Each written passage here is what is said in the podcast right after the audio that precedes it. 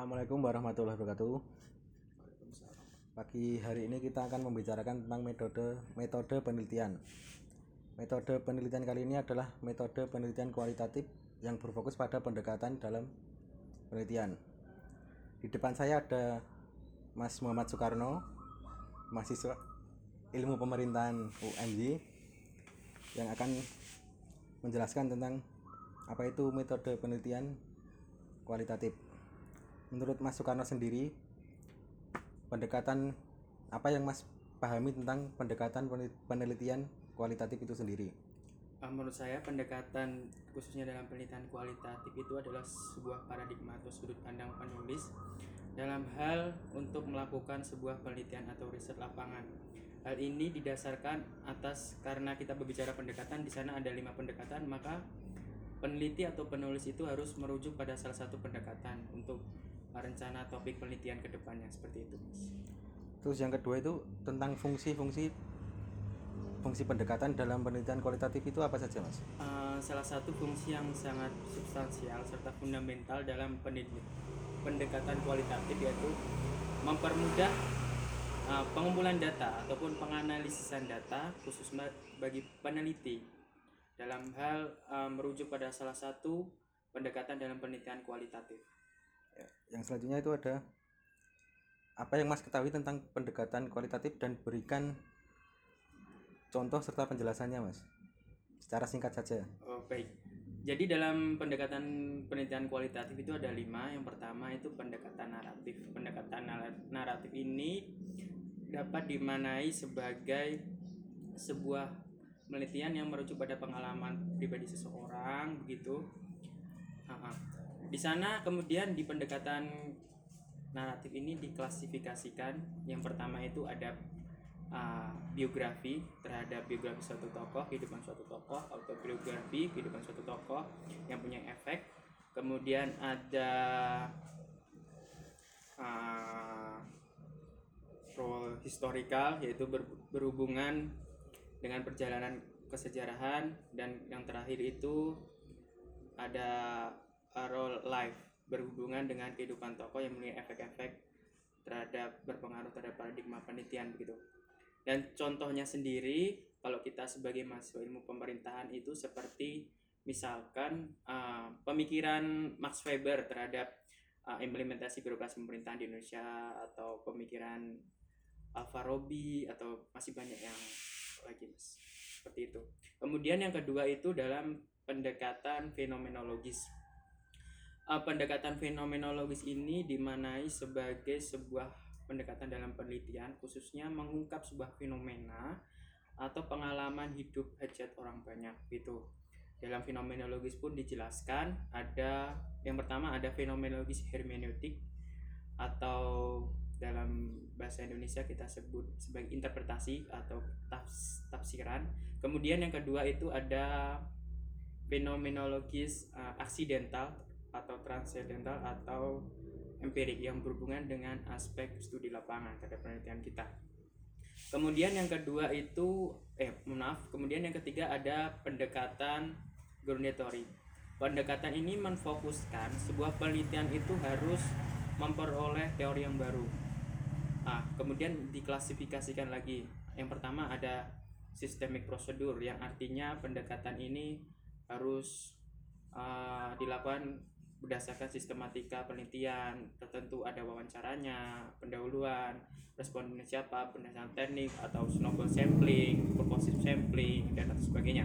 Kemudian yang kedua itu uh, konstruktivis yaitu berdasarkan perbedaan. Di sini itu disebut atau juga bisa disebut sebagai plural. Artinya topik penelitian kita tidak hanya satu fokus tapi plural berbeda-beda sehingga dengan pluralitas tersebut kita akan uh, bisa melahirkan sebuah teori yang baru. Kemudian yang keempat itu pendekatan etnografis. Pendekatan etnografis sendiri disebut juga se- sebuah pendekatan penelitian yang fokuskan pada uh, pola-pola perilaku kehidupan sosial budaya.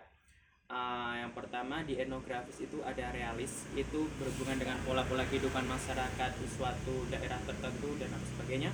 Kemudian ada yang bersifat kritis, uh, ketika kita membicarakan sebuah uh, fenomena-fenomena yang perlu kita kritisi misalkan uh, dalam contohnya itu seperti uh, kajian feminis, marxis, uh, dan atau sebagainya itu banyak sekali.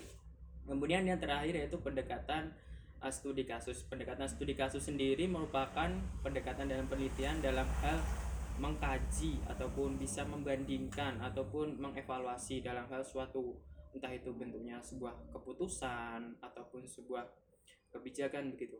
Contohnya sendiri dalam aspek kepemerintahan misalkan uh, akuntabilitas pemerintah desa bangun jiwo begitu dalam mengolah dana desa studi kasus sungai bangun jiwo nah seperti itu. Saya kira itu mas. Nah yang sekarang pertanyaan terakhir itu kan ada lima pendekatan. Betul. Itu perbedaan daripada lima pendekatan itu apa saja mas Oke, jadi dalam kelima pen, lima pendekatan tersebut itu memiliki beberapa perbedaan. Yang pertama dari uh, segi fokusnya dulu. Di narasi kita berbicara dengan pengalaman subjek, subjektivitas orang individu begitu. Kemudian di fenomenologis lebih ke halayak orang banyak, pengalaman orang banyak. Kemudian di uh, ground theory kita dituntut untuk menemukan sebuah hal yang baru. Uh, kita sebut dengan teori yang baru Kemudian di dalam etnografis kita mempelajari uh, perilaku pola-pola budaya masyarakat dan di studi kasus kita mencoba uh, mengkaji ataupun menganalisis sebuah kasus. Kemudian yang kedua itu latar belakang desain penelitian. Di dalam pendekatan naratif sendiri itu kita merujuk pada suatu pengalaman untuk pemikiran suatu tokoh ataupun subjektivitas uh, yang kita objek kita teliti. Kemudian di fenomenologis itu kita berbicara mengenai beberapa fenomena yang ada dalam masyarakat yaitu yang saya sebutkan tadi. Ada kita bisa bisa tafsirkan ataupun kita bisa melakukan secara empirik. Kemudian yang ketiga uh, di penelitian fenomenal uh, ground theory kita dirujuk untuk menemukan suatu teori yang baru uh, dalam hal penelitian. Kemudian yang terakhir di studi kasus kita bisa membandingkan, mengevaluasi sebuah keputusan. Kemudian dalam hal lainnya seperti uh, unit analisis data yang di naratif teori, eh, narat, maaf, dekat naratif itu kita mengkaji satu tokoh atau lebih. Kemudian yang di fenomenologis itu halayak banyak, yang kemudian di ground theory itu kita um, menemuk, harus menemukan sebuah teori yang baru kemudian di uh, etnografis kita mempelajari pola-pola kehidupan sosial budaya masyarakat yang yang sifatnya itu homogen kemudian apa pun heterogen kemudian di studi kasus kita mencoba mengkompar atau membandingkan sebuah kasus. Kemudian dalam hal lainnya yaitu seperti pengumpulan data. Di pendekatan naratif kita bisa lakukan wawancara dokumentasi terhadap beberapa dokumen do, do, dokumen historikal ataupun jurnal dan atau sebagainya di dalam fenomenologi sendiri kita bisa menguak secara uh, studi kepustakaan ataupun uh, melakukan empirical penelitian di di lapangan kemudian uh, di pendekatan grounded teori sendiri uh, kita melakukan sebuah teori yang baru yaitu 20 sampai 26 responden kita melakukan wawancara.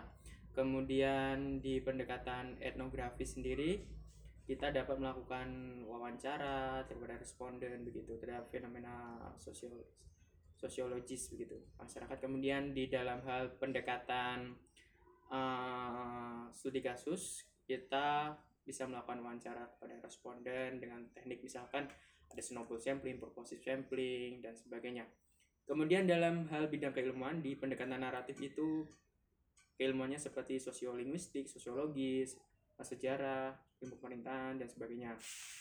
Kemudian untuk pendekatan di fenomenologis itu ada filsafat, sosiologi, begitu. Kemudian di pendekatan uh, grounded theory itu ada ilmu pemerintahan, ilmu politik, sosiologi, kemudian di pendekatan etnografis itu sama ada sosiologis kemudian yang berhubungan sosiolinguistik antropologi terutama pemerintahan dan studi kasus itu pemerintahan ilmu politik dan sebagainya. Kemudian perbedaan lainnya misalkan dalam hal strategi analisis kalau di narasi itu kan kita membicarakan sebuah uh, pengalaman dari sebuah tokoh atau pemikiran tokoh. Kemudian kalau di fenomenologis kita membicarakan sebuah fenomena tertentu dalam penelitian kemudian kalau di grounded theory kita harus menemukan uh, suatu yang baru. Jadi ada tiga. Pertama absal coding kemudian yang kedua itu absal coding yang ketiga itu selective coding gitu.